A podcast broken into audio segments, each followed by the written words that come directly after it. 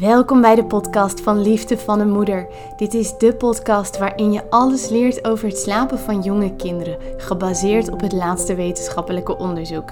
Eerlijke informatie over het slapen, de ontwikkeling van je kindje en wat je als moeder kan doen om beter te slapen, in verbinding met je kindje. Ik ben Mildred en elke week neem ik je mee in een onderwerp rond het slapen. Laten we beginnen. Een van de belangrijkste punten van de dag is bedtijd. En als je kindje niet heel gemakkelijk gaat slapen, kan het best zijn dat je op dit moment bijna verkrampt als ik het woord alleen al zeg.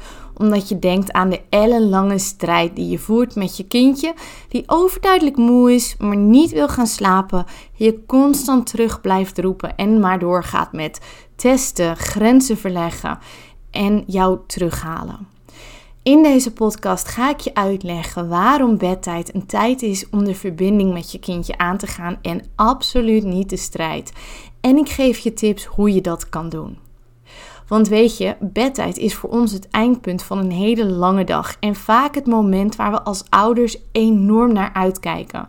En dat is niet gek. We worden de hele dag gebombardeerd met prikkels en we zijn de hele tijd nodig. En dus is het niet vreemd dat wij het einde van de dag heel hard nodig hebben om heel even op te laden, niet aangeraakt te worden en niet nodig te zijn. Maar voor je kindje is bedtijd ook iets heel erg belangrijks. Maar precies andersom. Bedtijd is voor een kindje namelijk de tijd dat hij niet bij je kan gaan zijn. Bedtijd betekent voor een kindje dat jij nog iets gaat doen en dat hij daar niet bij kan zijn. Bedtijd betekent voor je kindje afscheid nemen van de persoon die zijn zon en maan en sterren is. En dat is eigenlijk wel heel erg eng als je daarbij optelt dat het ook nog eens zo is dat wij veel kindjes vaak in hun eentje in een donker kamertje achterlaten, dan is het geen wonder dat het voor kindjes een tijd is die helemaal niet zo leuk is als wij dat vinden. Het betekent dat als je kijkt naar bedtijd vanuit je kindje, dat er iets gaat gebeuren waar hij heel erg tegenop ziet stel je voor dat je man altijd nadat jij naar bed bent gegaan het leukste deel van zijn dag begint. Dan zou je dat toch ook wel heel vervelend vinden als jij dan iedere keer terug wordt geduwd in je slaapkamer, terwijl je weet dat je man het leukste deel van zijn dag ingaat. Het geeft een kindje gewoon het gevoel dat hij helemaal moederziel alleen achterblijft. En eigenlijk is dat ook wat er gebeurt.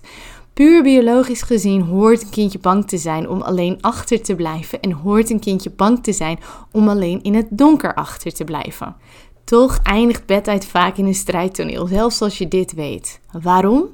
Omdat we al van jongs af aan worden gebombardeerd met het idee dat bedtijd iets is dat binnen 10 minuten, 20 minuten wel gedaan moet zijn. Je pakt je kindje op, je loopt de trap op, poetst de tanden, doet een pyjama aan, leest een kort boekje en je loopt die kamer uit en dan mag je kindje zelf in slaap vallen. Maar weet je, dit is niet reëel. Als we kijken naar wat een kindje overdag heeft meegemaakt, is bedtijd, naast dat het iets is wat best wel spannend is omdat jij weggaat, ook nog eens een tijd waarop heel veel dingen worden verwerkt. Als je kindje de hele dag zelf heeft gespeeld, of als je kindje zelfs naar de opvang is geweest, of niet de hele dag de tijd heeft gehad om rondom jou heen te hangen, is bedtijd een moment om juist allemaal dingen los te laten die ze hebben meegemaakt. Een kindje dat niet liefdevol is geweest, een teleurstelling waar ze nog niet overheen zijn gekomen, een stressvolle situatie die ze nog niet met jou hebben kunnen bespreken. En nou zeg ik bespreken, maar voor een jong kindje is bespreken natuurlijk een fysieke uiting. Dus bijvoorbeeld door te huilen of door juist heel erg druk te worden. Bedtijd is het punt dat een kindje juist vertraagt, waardoor bepaalde gebeurtenissen van die dag de ruimte krijgen om er nog even uit te komen. Dat betekent dat sommige kindjes heel veel huilen rond bedtijd. En nee, dat hoeven ze niet alleen te doen. Juist als ze kunnen huilen waar jij heel dichtbij bent, kunnen ze dat loslaten in plaats van dat het huilen ontstaat als een stressreactie. Dat betekent dat het soms best gebeurt dat kindjes huilen rond bedtijd, maar dat ze dat het allerliefste doen in jouw nabijheid, omdat ze dan vervolgens jouw kalmte kunnen gebruiken om zelf weer te kalmeren. Het is zeg maar een manier van vertellen waarbij ze hun nare ervaringen eruit kunnen gooien.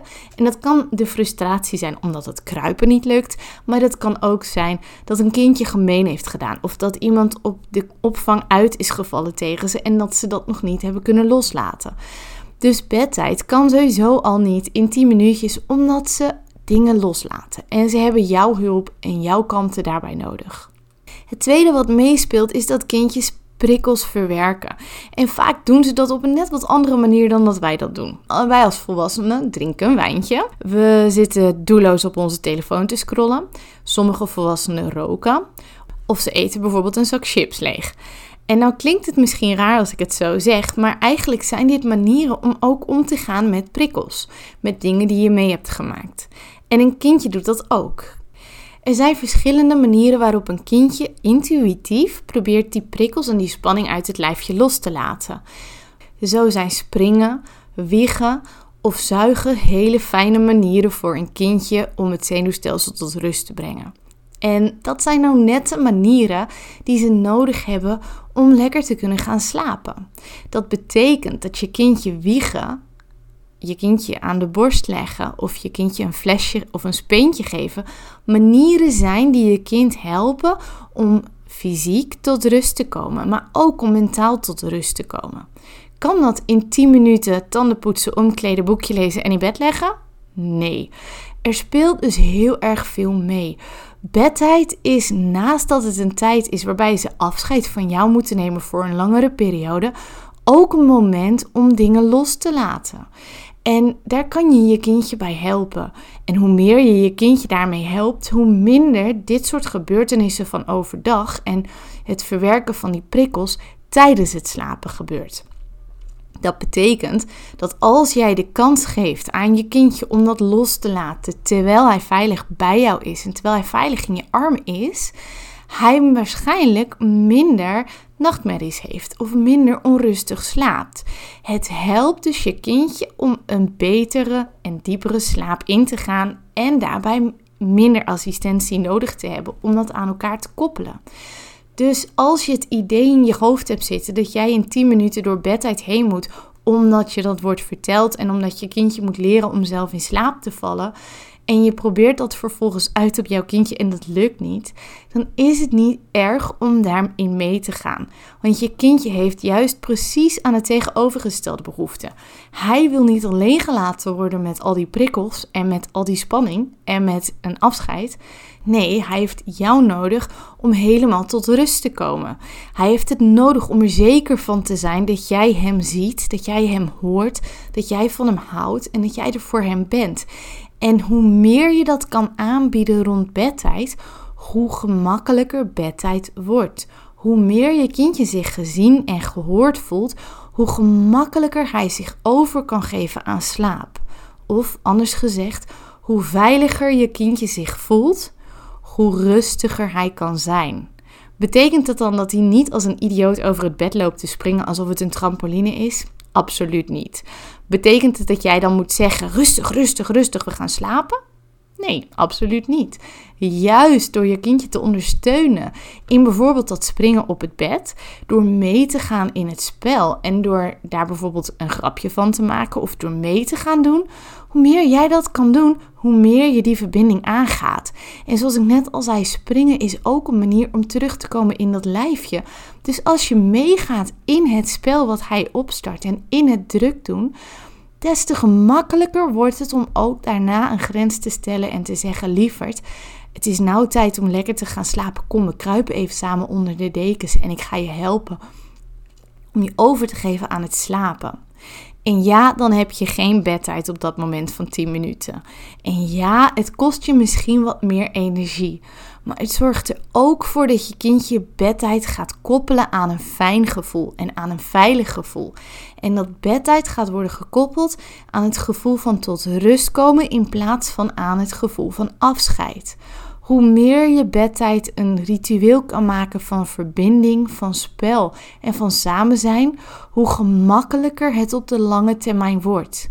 Ik krijg soms verhalen te horen van kindjes van 4 of 5 jaar oud die talloze keren nog de trap afkomen en die uiteindelijk worden opgesloten in hun kamer door een deur op slot te draaien of een stoel onder de klink te zetten. Maar dat is niet hoe je een kindje een goede associatie geeft met zijn slaapkamer en met zijn bed. Juist door die rust in te bouwen, juist door mentaal de ruimte te maken om daar een uurtje voor uit te trekken, geeft je kindje op de langere termijn tools om zelf op een fijne manier zijn dag af te sluiten. En om te weten dat bedtijd niet iets engs is. Om het wat concreter te maken, zal ik je ook uitleggen hoe wij dat thuis doen. Op het moment is het zo dat wij drie kinderen hebben. Eén van drie, net drie, één van vijf en één van acht. En ons bedtijd ziet er eigenlijk al jaren hetzelfde uit. Er komt een punt dat we naar boven gaan en vaak is dat tussen half zeven en zeven uur s avonds. We gaan naar boven en we beginnen met de tanden poetsen en even wassen. Daarna doen we de pyjama's aan, eventueel een luier om, maar dat is niet meer aan de orde. En daarna gaan we echt naar bed. Als we op het bed zijn gekomen, is het in principe de bedoeling om op het bed te blijven. Dat betekent niet dat het daarmee altijd rustig is. Betekent dat we in de slaapkamer en in het bed blijven. Soms betekent dat een flinke stoeipartij als we merken dat een van de kinderen nog worstelt met bepaalde gevoelens of met bepaalde druk. Als je merkt dat je kindje nog een bepaalde spanning bij zich draagt, of dat er nog dingen zijn waar hij eigenlijk heel verdrietig van is, dan kan het helpen om op dit punt je kindje te helpen om even te huilen. Dat kan je doen door bijvoorbeeld een bepaald liedje te zingen waarvan je weet dat je kindje geëmotioneerd raakt, door hem even stevig vast te houden en te knuffelen. Geef hem de kans om eventueel dingen te verwerken. En merk je dat het niet lukt, op commando huilen is soms erg moeilijk, dan kan je ook een flinke kietelbuig geven. Want lachen heeft exact hetzelfde ontladende effect als een flinke huilbui. Dus juist een flinke kietelbeurt of pakketje spelen kan helpen om je kindje op een bepaalde manier te laten ontladen, waardoor het slapen daarna makkelijker wordt. En dat is dus ook onderdeel van ons bedritueel. Als we merken dat een van de kinderen nog iets hoog heeft zitten, dan hoort een goede kietelbui er zeker bij. Het kan ook gebeuren dat een van de kinderen even flink aan het huilen is. En het kan dan om iets ogenschijnlijks heel kleins zijn, zoals een deken die niet helemaal goed ligt. Maar als de huilbui buitenproportioneel is, dan weten we dat er over het algemeen iets anders achter zit. Waarom wordt gehuild? En dan is daar ook de ruimte voor. En dat betekent soms dat we even pauze hebben in het bedritueel en dat we eventjes gewoon een kind vasthouden en laten uithuilen. Nadat dat is gebeurd, wordt er een boekje gelezen. En vaak lezen we een simpel prentenboek, zodat de kinderen echt tot rust kunnen komen. Het is dus niet de tijd voor hele enge boekjes. Wat we vaak zien is dat kinderen heel erg vaak hetzelfde boekje willen lezen. En als je dat als ouder kan bieden, is dat helemaal niet erg. Een boekje lezen waarvan de afloop al bekend is, geeft een kindje rust. Het maakt het namelijk goed te behappen. Een nieuw spannend boekje lezen kan soms net te veel nieuwe uitdagingen en prikkels met zich meebrengen, waardoor een kindje weer helemaal aan gaat staan in plaats van dat hij lekker gaat slapen.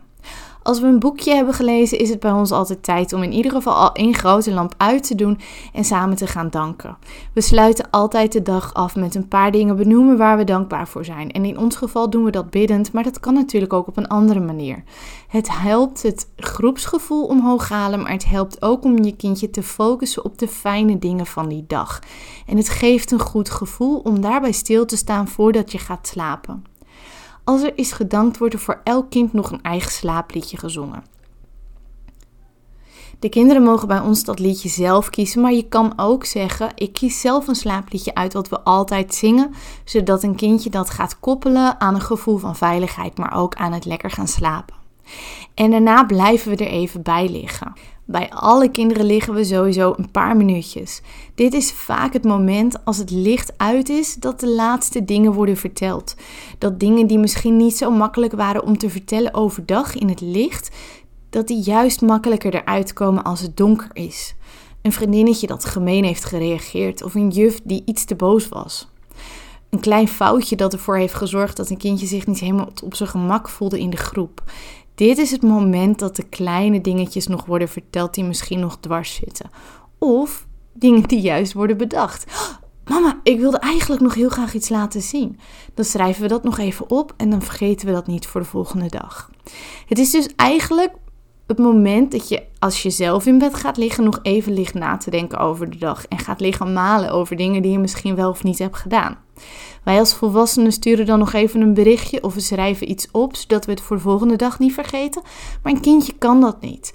En juist door er dan wel bij te zijn om die dingen nog te horen, kan een kind helpen om alles los te laten van die dag. Onze jongste vindt het op dit moment nog een beetje spannend als we weggaan als hij in slaap valt. En dus is er ook altijd eentje van ons die erbij blijft. We hebben dan een bedtijdsritueel erop zitten van zo'n half uur tot drie kwartier. En vaak is het met 10 minuten dan wel stil en kunnen wij ook naar beneden. Door het op deze manier te doen, helpen we de kinderen om de dag helemaal af te sluiten, om tot rust te komen en om zich veilig te voelen. En het zorgt er ook voor dat we vaak nog kleine dingetjes horen die we overdag niet zouden hebben gehoord. En het maakt dat de kinderen zich heel gehoord voelen. En het zorgt ervoor dat wij, omdat we ondertussen weten dat het net wat langer duurt dan die 10 minuten die we altijd hadden gehoord, dat we daar ook volledig bij aanwezig kunnen zijn. Een van de afspraken die wij onderling hebben is bijvoorbeeld dat je je telefoon altijd beneden laat rond bedtijd, zodat je echt niet afgeleid bent en je kind volledig die aandacht kan geven. En als het dan echt zover is dat de kinderen slapen, slapen ze vaak ook de hele nacht door. En ik zeg natuurlijk niet dat als je kindje overdag hele erg dingen meemaakt, dat hij dan vervolgens niet meer wakker wordt, of dat hij niet meer hoeft te plassen, of dat hij geen nachtmerries meer kan hebben. Maar je reduceert de kans er wel enorm op. En vaak zie je dat als kinderen in jonge leeftijd leren om een fijne bedtijdroutine te hebben, dat ze op latere leeftijd dit zelf ook kunnen hanteren. Ik zeg niet dat onze manier voor jou hoeft te werken. Probeer juist een manier te vinden die werkt voor jullie gezin. Maar de basisingrediënten zijn altijd verbinding, ontspanning en veiligheid. En vanuit daar gaat je kindje vaak heel gemakkelijk slapen. Dus als je los kan laten dat je kind met 10 minuten helemaal zelf in slaap moet vallen, kan bedtijd een moment worden die je echt kan koesteren in de relatie met je kindje. En als je dat op die manier kan doen en je kan zelf ook even je rust pakken, door bijvoorbeeld ademhalingsoefeningen te doen rond bedtijd, zal je merken dat je ook een stuk ontspannender beneden komt om nog je eigen dag af te sluiten. En misschien zijn er ook wel periodes dat je zelf zo moe bent dat het eigenlijk wel een heel erg fijn punt is om gewoon lekker in bed te blijven liggen. Als ik heel erg moe ben, maak ik me ook klaar en kruip ik ook gewoon om 8 uur in bed en lees ik als de kinderen slapen nog een stukje. Het zorgt ervoor dat je van bedtijd de druk afhaalt, dat je kindje zich op een bepaalde manier moet gedragen en daardoor komt er heel veel rust voor je kindje en voor jezelf. Op de lange termijn zal je merken dat het de strijd uit de bedtijd haalt en het een tijd maakt van verbinding tussen jou en je kinderen, net zoals bedtijd vaak een tijd is van verbinding tussen jou en je partner, omdat je samen in bed kruipt en nog even knuffelt. Een kindje is niet gek veel anders dan een ander mens, hij heeft ook die verbinding en die liefde nodig. En de vraag is, hoe kan je hem dat bieden zonder dat je jezelf voorbij loopt? Ik hoop dat deze podcast je daarbij heeft geholpen en dat je zo manieren vindt om een bedtijdroutine te maken die past bij je kindje en jullie gezin. Wil je daar graag hulp bij? Kijk dan op liefdevaneenmoeder.nl en daar geef ik je meer tips voor een fijne bedtijdroutine. Maar ook bij de cursus Beter slapen vanuit verbinding krijg je een heel e-book met tips en tricks hoe je een fijne bedtijdroutine op kan starten en hoe je je kindje kan helpen beter naar bed te gaan. Wil je daar meer over weten? Ga dan naar www.liefdevaneenmoeder.nl en daar vind je alle informatie.